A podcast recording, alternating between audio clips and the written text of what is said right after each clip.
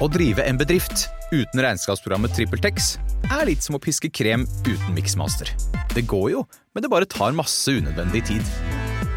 TrippelTex, det fleksible regnskapsprogrammet som forenkler hverdagen for over 100 000 fornøyde kunder. Prøv gratis på TrippelTex.no. Det verste jeg har opplevd i mitt liv, på det 33 år lange liv, det var eh, da faren til Tidemann og jeg slo opp. Da raste hele min verden sammen, og jeg gråt eh, mer eh, enn noe annet. Altså, jeg gråt så mye at jeg kastet opp eh, noen ganger. Jeg husker at jeg satt på en strand i Spania i den perioden. Solen skinte, og jeg var, hadde alle forutsetninger liksom, til å leve et sånt perfekt liv. Men det var der vi hadde slått opp, og alt hadde gått i knas. Og jeg satt bare med puppene sånn hengende nedover magen, toppløs, og grein og grein og grein. I ettertid nå, da når jeg ser hvor gøy livet kan bli igjen, og hvor bra man kan få det, så skulle jeg ønske at jeg hadde en sånn tidsmaskin, så jeg kunne reist tilbake til meg sjøl. Liksom til hun dama som satt der med de puppene og gråt. Og så ville jeg sagt sånn, det går over, det blir bedre, og jeg ville vist henne hvor glad jeg var, og at det finnes eh, lys i enden av tunnelen. Men det finnes jo ikke en sånn eh, tidsmaskin, dessverre, altså, for tenk så deilig det hadde vært. Det jeg kan gjøre, er jo eh, å lage en episode om det, om samlivsbrudd. Få inn en ekspert og trøste dere som kanskje sitter på en strand og griner, eller bare i en sofa hjemme og har det skikkelig dritt. Jeg veit hvordan det er. Det går over, og nå skal du få noen tips og triks til hvordan denne perioden kan bli litt enklere.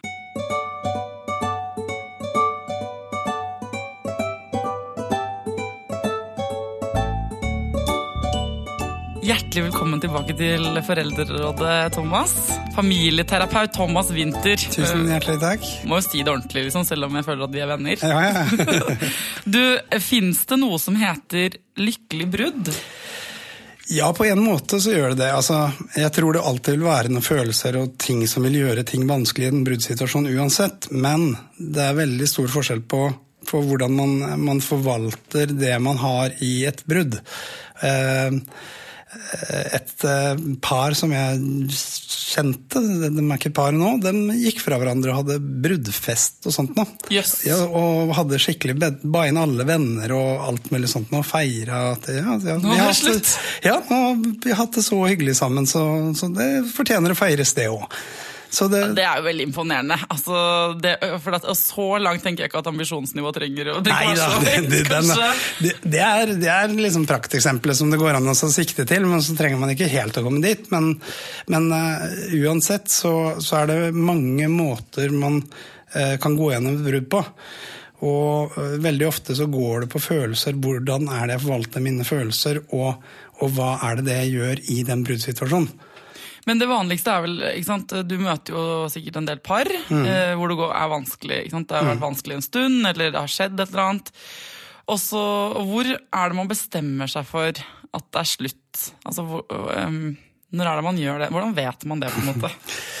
Igjen så er det liksom veldig veldig mange forskjellige måter. Altså, noen kommer og sier at vet du hva, her er ting bare fada bort. Altså, det har ikke, vi, er ikke dem vi var når vi traff hverandre. Vi har ikke de samme følelsene. Og, og man nesten tar hverandre i hendene og sier takk for, takk for nå. Det, det her var greit, men ikke noe mer enn det. Altså, mange er til og med gode venner, altså veldig gode venner. Men tenker at der, hvis jeg skal være i et parforhold, så vil jeg være god kjæreste. Jeg vil ikke bare være god venn. Eh, Så det mangler noe der. Eh, Veldig mange kommer til familieterapeut når, når uh, shit hit the fan, for å si det sånn. Altså når det er ordentlig krig. Og det er liksom litt trist. Eh, Jeg, et, jeg har et vennepar som, som uh, veldig tidlig i forholdet bestemte seg for å gå til familieterapeut, og alle tenkte at jøss, dere som virker som har det så fint. Og så sa de at ja, men det har vi lyst til å fortsette å ha. Så derfor så går vi og forebygger istedenfor å gå og reparere når ting har gått helt i tverke. Så det, er, eh, det vil du anbefale, at man går litt eh, altså, eh, lenge før the shit hits the fan? Ja, altså i hvert fall, altså Man trenger ikke nødvendigvis å gå til familieterapeut, men, men i hvert fall ha noen strategier. Altså, 99% av par eh, har solskinnsdager den første tiden, og så, så, så har man konflikter underveis etter, etter hvert. Og det er litt sånn greit å, å finne ut åssen vi forvalter de konfliktene også. Hva er det vi gjør, hva er det det gjør med oss, og, og hvordan er det vi skal takle de? Hva er det som er dine sånn trigger points, altså ting som jeg ikke bør gjøre, ikke sant? Altså noen har sånn jeg hater når noen eh, legger på røret på meg, eller jeg hater hvis noen smeller i dører, det gjør meg utrygg, eller noe sånt, så går an også i hvert fall ha noen sånne strategier på, på hvordan er vi krangler òg. Det, det, er helt eh, det, Mesteparten av parforholdene kommer til å bli krangel. Og de mesteparten av parforholdet kommer også til å ta slutt. Ja, ja veldig mange tar slutt. Det er ikke noe tvil om det.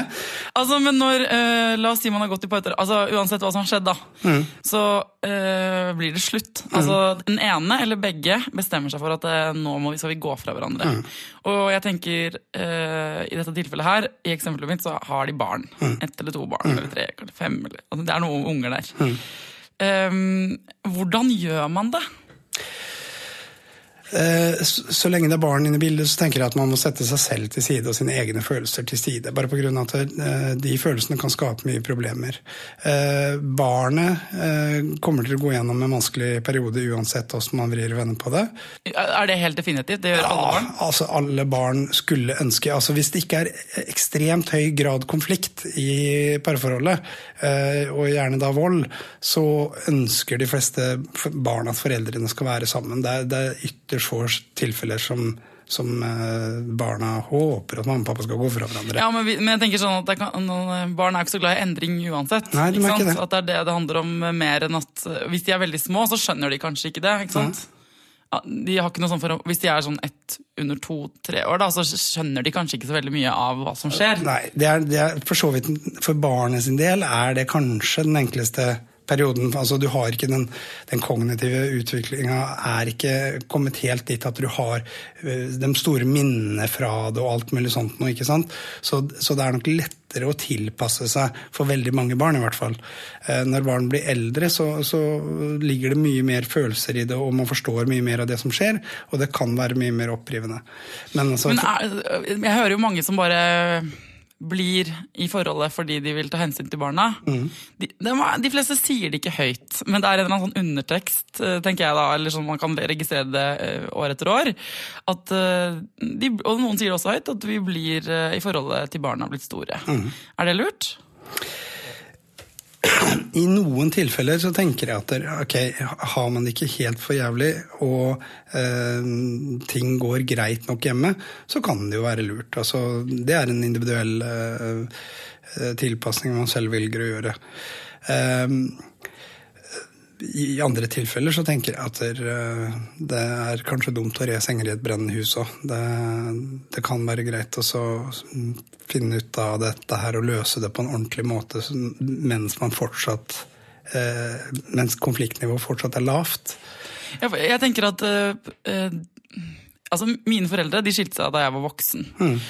Og jeg var 20 år, og jeg hadde skjønt siden jeg var kanskje 13 år at mm. det ikke var sånn dritgod stemning. Vi er mhm. veldig gode venner, der, de fortsatt å feriere sammen og sånn. Mm. Men jeg tenker jo, nå sånn i etterpåklokskapens navn så har vi kunnet snakke om dette. og så har jeg sagt eh, Det hadde vært helt ok. For det viktigste for meg eh, da jeg var 14, og, og for barn når de er yngre òg, tror jeg, er jo at mamma og pappa har det bra. Mhm. Det er viktigere enn hvor de bor og hvem de er sammen med. Um, og hvis man, man tror, Jeg tror mange tror at de kan late som at det går dritbra overfor barna sine, men barn er ganske smarte smarte. De mm. senser ganske mange ting. Ja. Så det er sånn Nei, pappa, vi har det kjempehyggelig. Sånn, alt det der. Du ser med en gang på ryggen til moren din mm. om hun er glad eller trist. Mm. Så når det gjelder de der vi holder sammen for barnas skyld, hvis ikke det er ekte hyggelig, mm.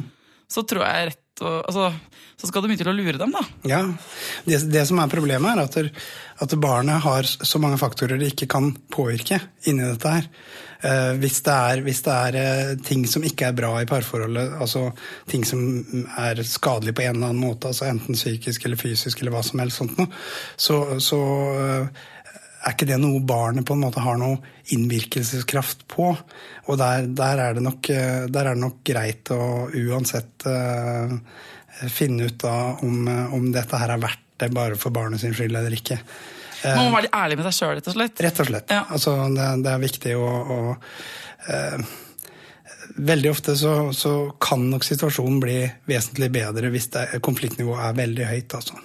Det, Ja, Eller hvis man bare blir sånn apatisk og selvutslettende Mm, i et forhold.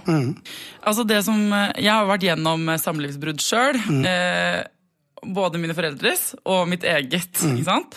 Og så Det er jo skikkelig dritt. Det er sikkert eh, noen som klarer å ha sånn fest og alt det der. Eh, men jeg tror eh, den jevne oppfattelsen av hvordan det er å gå gjennom et er at det er skikkelig dritt. Det er et helvete. Mm. og det er vanskelig å se når man står i det, at det kommer til å gå over. Hva er liksom, hvis, jeg tenker meg at Det er sikkert noen som hører på nå, som er i tvil, står i et forhold, kanskje i et brudd, er på vei ut av et forhold. Hva er planen? Altså Når følelsene river i kroppen og hjertet brister, og man ikke klarer å se rundt neste sving og ikke egentlig helt skjønner at det kommer til å bli bra igjen, hva er det man skal, liksom, det man skal først og fremst forholde seg til? Eh, hvis det er barn inne i bildet, så tenker jeg at man må først og fremst forholde seg til barna. Og så tenker jeg at det er viktig å kommunisere med partner eh, disse følelsene, og prøve også eh, Veldig mange kommuniserer på en måte at man peker fingeren utover hele tiden. At du gjør sånn og sånn, og det, da blir jeg Det syns ikke jeg noe om. Eh, så man kan si noe om hva er det det får meg til å føle. Altså det, legge ting inn på seg selv, da. eh, Sånn at, der, at jeg snakker ut ifra meg når jeg, når jeg kommuniserer hva som jeg syns er vanskelig med dette forholdet. Ikke hva du eh, At jeg peker fingeren på deg hele tiden. Eh, Da er det veldig mye lettere å holde en ok tone i den dialogen som man er i. Og hvis, eh, hvis man klarer å holde den ok tonen og på en måte komme til enighet, så er det mye lettere å ha et ok brudd, for å si det sånn. Ja, altså Noen andre eh, triks er hvis det er skikkelig skikkelig betent, mm. kan det være greit å bare kutte ned kommunikasjonen til et minimum akkurat i en periode? Ja, altså eh, Eller må man liksom samtale Nei, altså, og samtale? i veldig mange sånn, f.eks. samlivskurs og litt av hvert sånt nå, der har man gjerne sånn timeouter. Uh, hvor man kan på en måte uh, si fra at nå er faktisk nok nok for meg. Og den timeouten skal da respekteres. Og så kan man heller ta opp den diskusjonen når man er uh, rolig på, senere på dagen eller kvelden eller et eller annet sånt noe. Så det kan helt gre være greit å ha litt mindre kommunikasjon. Men jeg tenker det viktigste er barna. Altså, Men hvordan vet man hva som er best, best for barna? For at det her argumentet er jeg helt enig i, Mm. men det dytter også folk foran seg. Og sier sånn, Men eh, det er best for han at han ikke er sammen med deg der, eller ikke møter den nye kjæresten din. Eller, Mm. altså, man bruker barnet som et argument, og jeg tror ikke de mener å være slemme. Nå snakker jeg om mennesker jeg har snakket med, og ser, Mm. og venner og bekjente. ikke sant? Men man tenker sånn utenfra kan man se at det er litt, kanskje ikke ensbetydende at dette er dårlig for barnet. For at man går ut av et forhold med to personer som har stort sett vært enige, eller sant, gjort ting sammen. Og så skal, La oss si at du og jeg da slår opp. ikke sant? Så vil du gjøre ting på en måte, og jeg vil gjøre ting på en annen måte.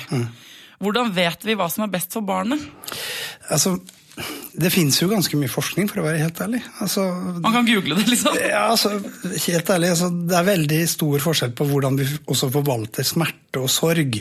Altså, Noen eh, går ut og prøv, på en måte prøver å finne noen annen for å på en måte eh, få bekrefta seg selv, og at det er fortsatt noen som liker meg. og det er fortsatt For noen som- mener du? Ikke sant?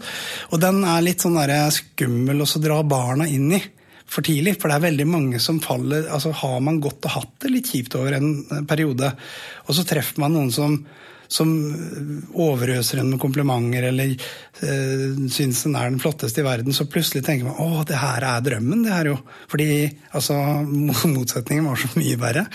Og dermed så er det fort gjort å dra barna fryktelig fort inn i et sånn type øh, forhold. Så hvis vi sant, hadde slått opp og har et barn, da, og så at du liksom drar ut og finner en eller annen ny dame som eh, du syns er helt topp, så skal ikke vårt felles barn nødvendigvis forholde seg til henne med en gang. Nei. Nei. Det er greit å holde barna utenfor den type forhold før okay. man vet at dette her er faktisk noe som, som kommer til å fungere. Men når det gjelder barnefordeling, da, altså det første som skjer når man, man slår opp, Mm. er- jo liksom at man, tar et man prøver å flytte fra hverandre. Og da er det jo første spørsmålet hvor skal barnet bo? Hvordan fordeler vi Mm. omsorg? De lærde strides, så vidt jeg har forstått. Eh, Hva mener du er liksom riktig fordeling? Altså En del par som jeg har eh, snakket med, dem flytter faktisk ut og lar barnet bo igjen. Altså, Så bytter mor og far på og, og De flytter ut og inn. Ja. Og det, i en periode så kan det være ganske greit. Altså, eh, nå snakker vi en kortere periode, bare på grunn av at for barnet så er det eh, altså Forutsigbarhet er tingen for alle barn.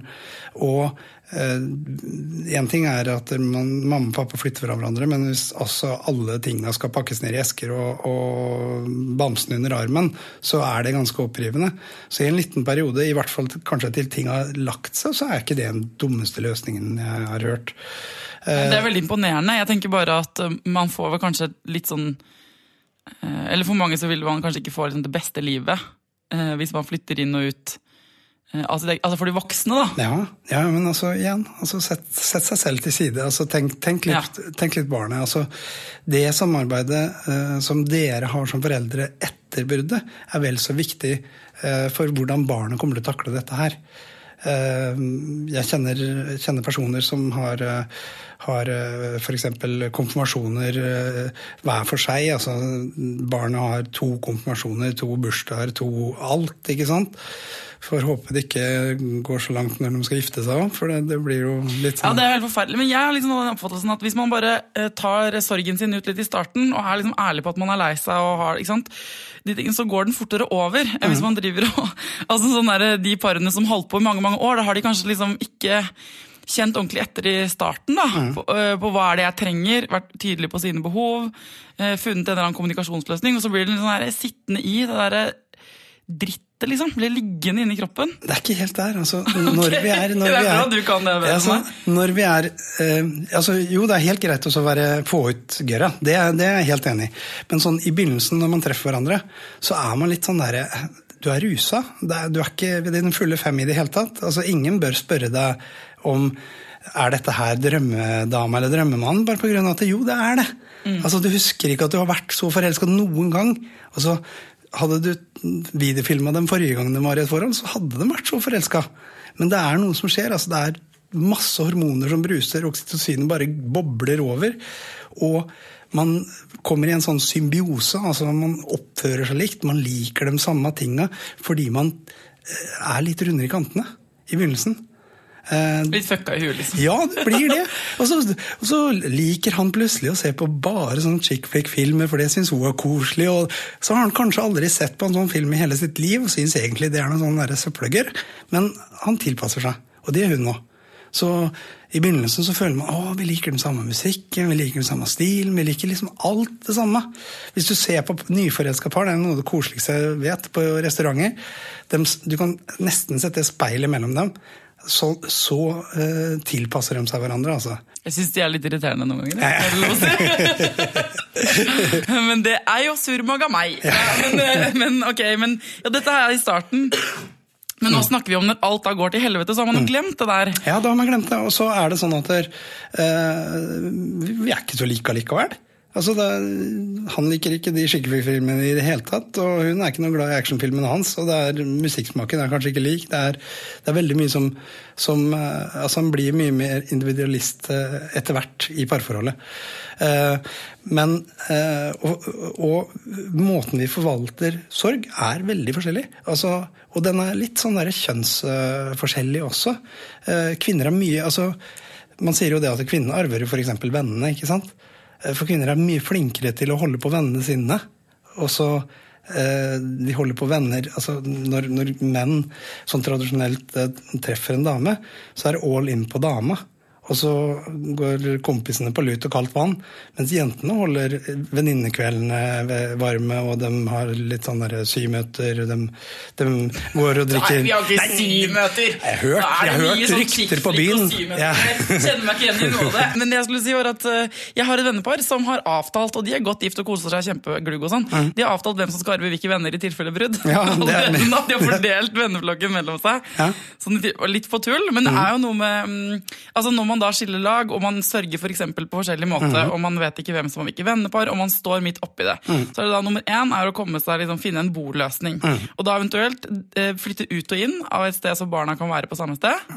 Eh, I en periode. Lenge, og det, hvis det funker, så er det gull. Hvis ikke det funker, så må man finne på noe annet. Er det sånn at vi burde gå for 50-50-løsning? Det er veldig populært. En uke hos den ene og en uke hos den andre. I forhold til forskning så viser det at hvis barnet er uh, greit over tre år, så, så kan en en 50-50-løsning fungere ganske greit. Eh, men jeg syns at barnet skal høres på. Eh, hva, hva, ønsker barnet? Og så kan man også tenke litt forskjellige løsninger. Altså, eh, hva gjør man med klær? Skal vi ha fullt opp på begge steder, eller skal vi ta også ha, en, ha mesteparten av tingene f.eks. på ett sted, sånn at barnet kan føle at det, eh, hovedbasen er her, og så tar jeg med meg litt ting og drar til enten mamma eller til pappa. Det spiller for så vidt ingen rolle hvor det er. Men ha en liten et øye med på barnet og hva det ønsker. Tenk litt på barnet og hva det ønsker. Eh, Spør det? Liksom. Ja, ja, ja, altså, altså eh, Fra barnet er tolv år, så skal barnet bli hørt. Og, og, når du er 15, så har du ganske mye å si i forhold til hvor du, hvor du kan velge å bo. Men altså, jeg syns barnet skal tas med litt i råd i begynnelsen også.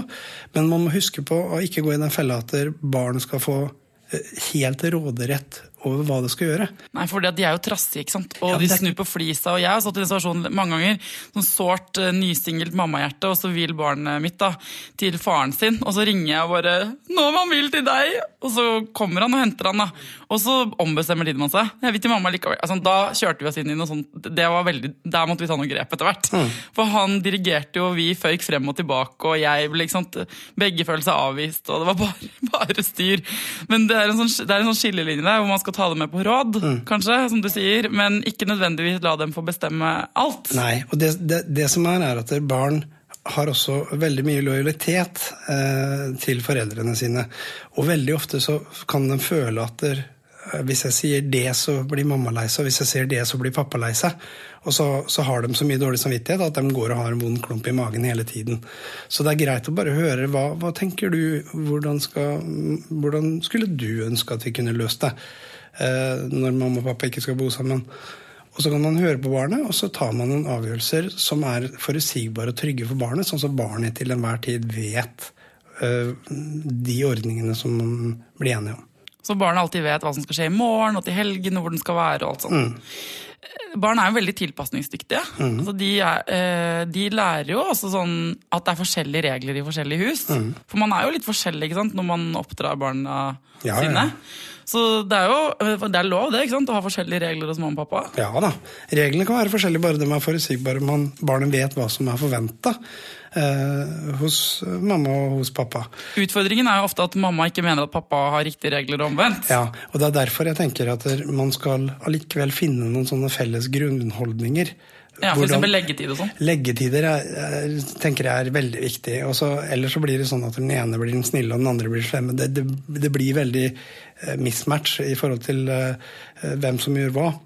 Eh, men hvis man finner noen sånne, noen sånne, felles kjøreregler, så kan det være veldig preventivt i forhold til eh, at barnet syns det er, eh, kommer hjem fra f.eks. pappa og er supertrøtt fordi den har fått lov til å være oppe til klokka 11 hver kveld, når den går på barneskolen og burde vært i seng klokka 9. Sånn at man får de derre grunnreglene og grunnholdningene på, på hva man gjør. Og, og det kan være greit litt å tenke på hva hva er det man f.eks. skal kjøpe til barn, og alt mulig sånt også. Sånn som man, man har litt sånn felles eh, forståelse for hvordan er det vi kommer til å, å, å jobbe med det felles prosjektet som vi fortsatt har, uansett. Altså det som er Når man står midt i den betente fasen, mm. og man flytter fra hverandre, og i første fase én, liksom, mm. den uh, ground zero mm. av et brudd, så uh, kan det virke veldig vanskelig. Jeg, jeg, bare vet at de som hører på dette, her nå, de sånn, ja, men hvordan skal vi sitte og ha en dialog om hva slags regler vi skal ha for barna? Vi mhm. klarer ikke å se på hverandre engang. Eller mhm. det er så mye vonde følelser. Så kun, eh, eh, jeg tenker selv at altså Mitt råd til mine venner når de har det sånn, da, det er å bare lage en slagplan med en gang. Altså sånn, Bare de første tre månedene. Mm. Hvilke uker skal dere ha hvilke barn? Hvor skal dere være? Og hva er liksom grunnreglene? Mm. For å kjøpe seg litt tid, og at begge holder det hellig i den timeplanen man har lagt. Mm. For da slipper man altså, da, kan, da kan ting roe seg litt. Mm. Før man setter seg ned og forventer at man skal kunne samtale og være verdens beste team. For det, det er jo noe med at det, mm, det tar litt tid. Ganske ofte. Er det lurt, liksom? Jeg gir et godt råd. Ja, ja det, ja, det syns jeg hørtes veldig bra ut. Og så, og så, tenker jeg Noen ganger så går det an faktisk å skrive mail til hverandre. Og SMS. Altså Ja, men mail er liksom Da kan du sette deg ned og bruke litt tid. SMS går gjerne litt kjappere, og det er gjerne litt kortere. Men på, på en mail så kan du prøve å formulere deg på en måte som blir litt vanskeligere å misforstå.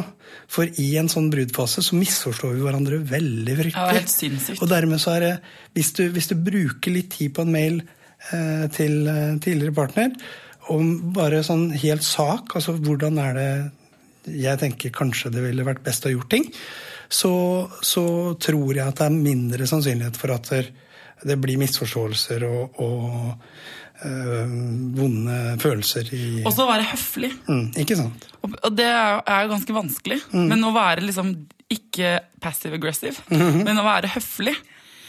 Fordi- Og så kan man jo eventuelt bruke andre mennesker til å ta ut dritten på. -hmm. Altså ikke barnet, eh, først og fremst, men heller ikke eksen. Ja, men venner. Det er jo derfor man har venner. Ja. Mhm. Og foreldre og søsken og, og internett, da, hvis du vil skrive noe på et forum.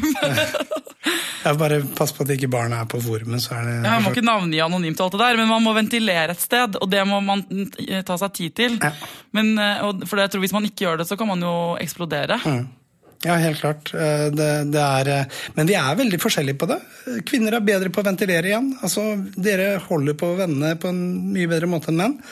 Og når bruddet kommer, så takler kvinner det bedre. Gjør vi det? Ja, ja. Bare av at kvinner kan gå til venninnene sine og få masse sosialt og masse trøst og, og gråte litt og sånt noe. Er det, en be er det bedre? Altså For hva er å takle bruddet bedre? Er det å gjøre det bedre? Altså, ja, altså hvis, hvis det er sånne følelser som er der, så, så er det veldig sunt å på en måte la det få lov til å komme ut. Men kan, har det med å kunne isolere seg litt mer eh, ganske vanlig at, der, at der, eh, altså, Har du ikke snakka med noen kompiser på to år, så er det liksom ikke å ta med deg en sixpack opp og komme på familiemiddag hos dem. Hva skal menn gjøre da? Nei, altså, Det handler jo om å få snakke med noen eh, for menn òg, men vi forvel, eh, som kjønnsmessig så forvalter vi de følelsene veldig annerledes. Hvis du kan gi et råd da, til alle menn i brudd som sitter og hører på denne podkasten akkurat nå. Gå til en kompis. altså I verste fall så kan du ta og dra til en terapeut for den saks skyld. altså Bare, bare for å ha noen å få tømt ut eh, det du har i søppelbøtta di. Eh, noen ganger så får du noen gode råd, og noen ganger så er det noen som hører på deg som, som kan si at vet hva, dette her går faktisk bra. Og det er sånn som alle går gjennom i en sånn fase som du er. For man tenker ikke det, at det går bra. Nei, det er det. Man tenker ikke at det går Nei, bra. nei, nei, Man tenker ingen kommer til å elske meg etterpå det. Nei, jeg trodde jeg aldri kom til å bli glad igjen. Jeg, Ikke sant? jeg, altså, jeg bare gråt. Ja. Det var det eneste. Jeg gråt nesten så mye at jeg kastet opp. Ja. Hver gang Tidemann sov da han var liten. Og så våknet han, så tok jeg meg sammen i to timer, liksom, Mhm. tre timer, og så begynte jeg å gråte igjen. Og jeg trodde, jeg skjønte med hjernen min at folk mistet familiene sine i krig, og at de ble lamme fra hals og ned i bilulykker. Men jeg tenkte, ingen har det verre enn meg. Likevel. Det er det verste jeg har vært med på. Eh, og hvis alle de som prøvde å fortelle meg Det er et heads up til alle de som har, skal være vennen til noen som går gjennom brudd, at det kom til å gå bra, de hadde jeg lyst til å nikke ned. Ja, ja, ja. Hold kjeft! Fordi vi hadde bare behov for å velte meg i egen sorg. Mm. Um, jeg lurer på en ting. Hvor raus bør man være med partneren sin? Altså, jeg tenker at man uh, innenfor rimelighetens grenser bør være veldig raus. Altså, Raushet er det første som ryker, tenker jeg, når Ja. man slår opp. Og det er kanskje det viktigste man burde beholde. Ja, altså i de bruddfasene jeg har vært, så har jeg sagt du har nøkkel, og du går inn, og henter du det du skal, og så kan jeg ta resten. Og det, det, er, det har heller ikke blitt sånn at det, det står at linoleumen er det eneste som er igjen når jeg kommer heller. Ja, det er raus på ting, tenker du? Ja, ja raus på ting der, ikke sant? Fordi det er, det er fortsatt selv, selv om det bare er ting, så er det fortsatt et eller annet som gjør at jeg vil kunne føle meg veldig urettferdig behandla. Og den urettferdigheten har man på en måte generalisere enda mer følelse av at det, ja, og så, så skal de ha, så skal ha mesteparten av tida med barna, og så blir det så Det blir bare en sånn snøballeffekt av det. Så, så vær så raus som du kan innenfor rimelighetens grenser. Det er ikke sånn at du skal gi bort alt du har. Ja, for Du må ikke bli selvutslettende heller? Du må ikke bli selvutslettende, men, men prøv å, å la en tidligere samboer eh, se at du er raus. For det smitter litt. Det smitter litt. Det er jo ofte, Smålighet er jo det eh, er veldig vanlig Ja, ja. i brudd. ikke sant? At Ja. Man blir smålig. Jeg tror ikke man kanskje ser det selv. Og, men eh, mm, Og det er veldig van... Jeg, jeg husker jeg tenkte sånn Jeg vil det beste for barnet mitt. Det var jeg helt sikker på. Det var det eneste jeg visste. at jeg var helt sikker på. Og så er det jo ekstensjonen av at han skal ha det bra. Da må han jo ha en lykkelig far. Og sånn tenkte faren hans òg. Altså, selv om jeg ikke hadde noe lyst til å være grei mot faren hans, i det hele tatt, jeg hadde lyst til å være slem. For alt i kroppen min skrek om at jeg ville være rasshøl, for jeg hadde det så vondt. da. Så tenkte jeg at da vil jo det indirekte ødelegge for min unge. Sånn at eh, jeg bøyt tennene sammen og var ikke noe glad for å måtte være grei, men jeg var raus ene og alene fordi jeg tenkte på Tidemanns beste. da. Og så husker jeg at mamma og pappa var sånn åh, det er kjempebra, veldig viktig, vær raus, vær raus, vær raus. vær raus. Jeg følte at det eneste jeg gjorde hver dag, var å svelge kameler, og jeg holdt på å klikke. Um, men jeg må si, og det irriterer meg litt, at den av, altså, takket være det, så har vi fått avkastning senere. Mm.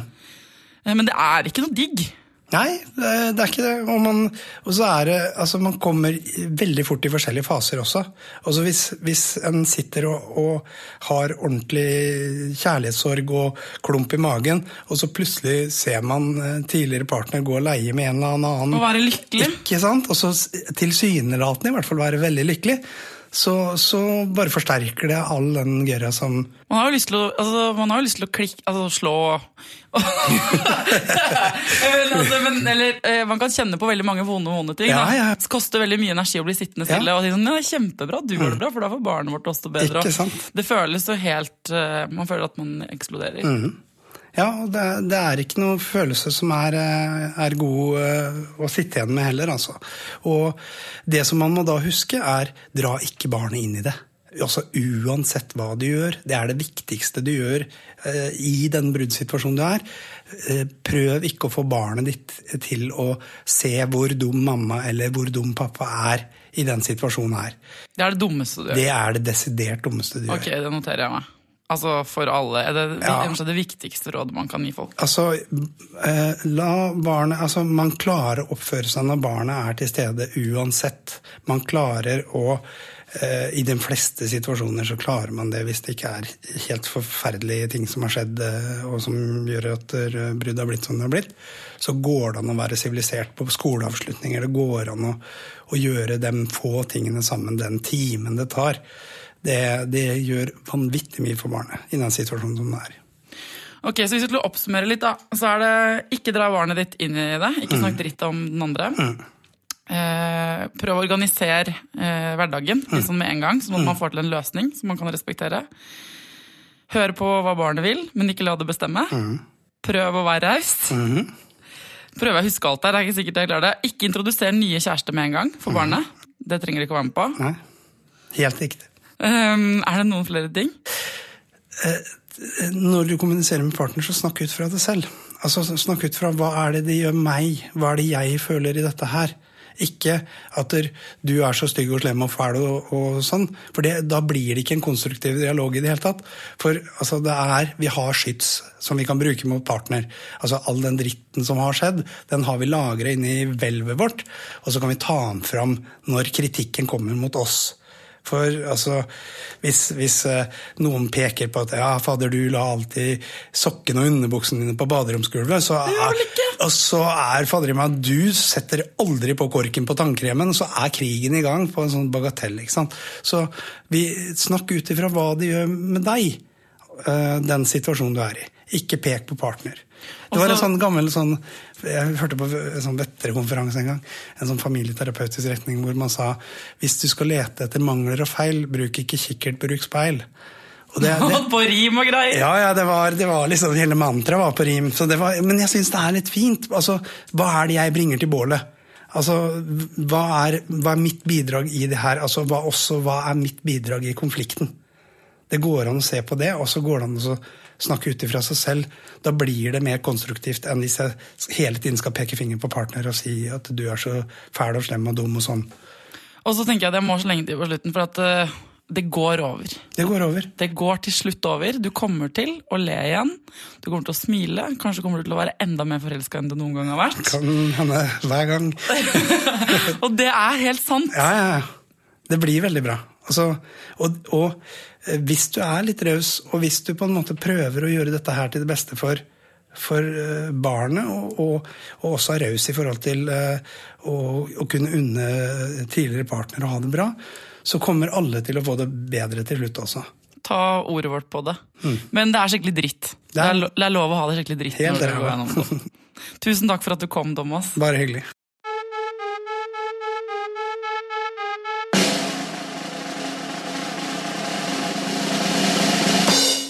Jeg er jo ikke noen samlivsterapeut, for å si det sånn. Men jeg har vært gjennom et samlivsbrudd, eh, som sagt. Det var eh, skikkelig dritt. Men jeg har et triks i ermet eh, som jeg kan dele med dere. Jeg syns det var så fælt å kommunisere og snakke med eksen min. Jeg var så lei meg. Hadde all sånn prat om hvordan ungen vår hadde hatt det, sånn, ble liksom, det ble helt umulig. Så eh, Vi kjøpte rett og slett en liten skrivebok hvor vi skrev ned hver dag da, hva hva Tidemann hadde spist. Man hadde stått opp og skrev sånn 'Kjære Tidemann, i dag våknet du halv seks.' Det synes mamma var litt tidlig. Du spiste grøt til frokost og fortalte på en måte på en hyggelig måte til Tidemann en dagbok om hans liv. Sånn at når jeg møtte da min ekskjæreste og følelsene sto ut av øynene på meg, så kunne jeg bare mm, gi ham boken og ungen, og så kunne han lese i den hva vi hadde holdt på med. Og det samme kunne han, eh, jeg gjøre nå. han han leverte Tidemann til meg. Og Det var veldig deilig. De kjøpte oss litt tid, hvor vi slapp å snakke med hverandre så veldig mye, men likevel kunne holde full orden på hvordan ungen vår hadde det. Så det finnes sikkert mer eh, teknologiske varianter akkurat det der nå. altså F.eks. tekstmeldinger høres ut som dette her var for 30 år siden. Eh, men man, om det er mail eller hva som helst, altså det er, er innafor å verne litt om eh, sitt sårede, knuste hjerte helt sånn i starten.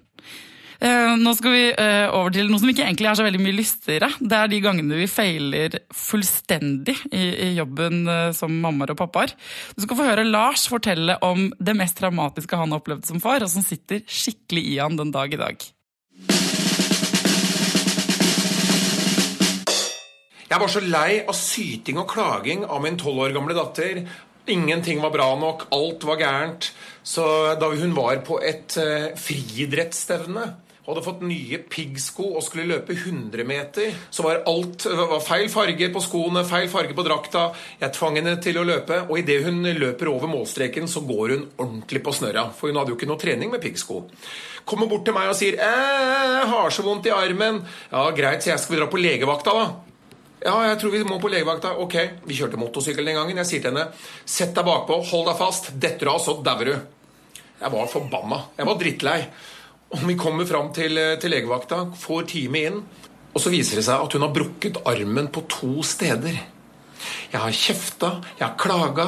Hun har brukket armen på to steder. Jeg visste ikke hva jeg kunne finne på for å trøste, og jeg har sjelden skammet meg så mye som akkurat den dagen. Det var grusomt. Jeg overkompenserte senere. Med, jeg prøvde jo selvfølgelig bestikkelser som, som iskrem og alt det hun uh, hadde lyst på. Og hun var flink til å bruke dette mot meg i noen år senere.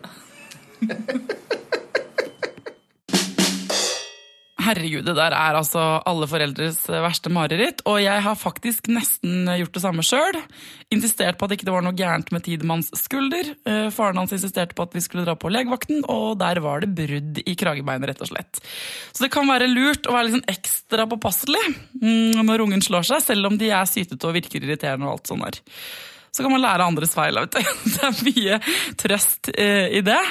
Um, til neste gang, vær forsiktige. Altså, Vær litt forsiktige. Vær så snill. Både med barna deres og dere selv.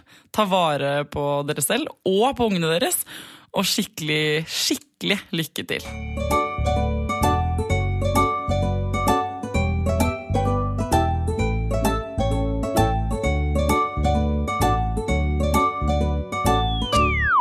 Produsert av Rubicon Radio.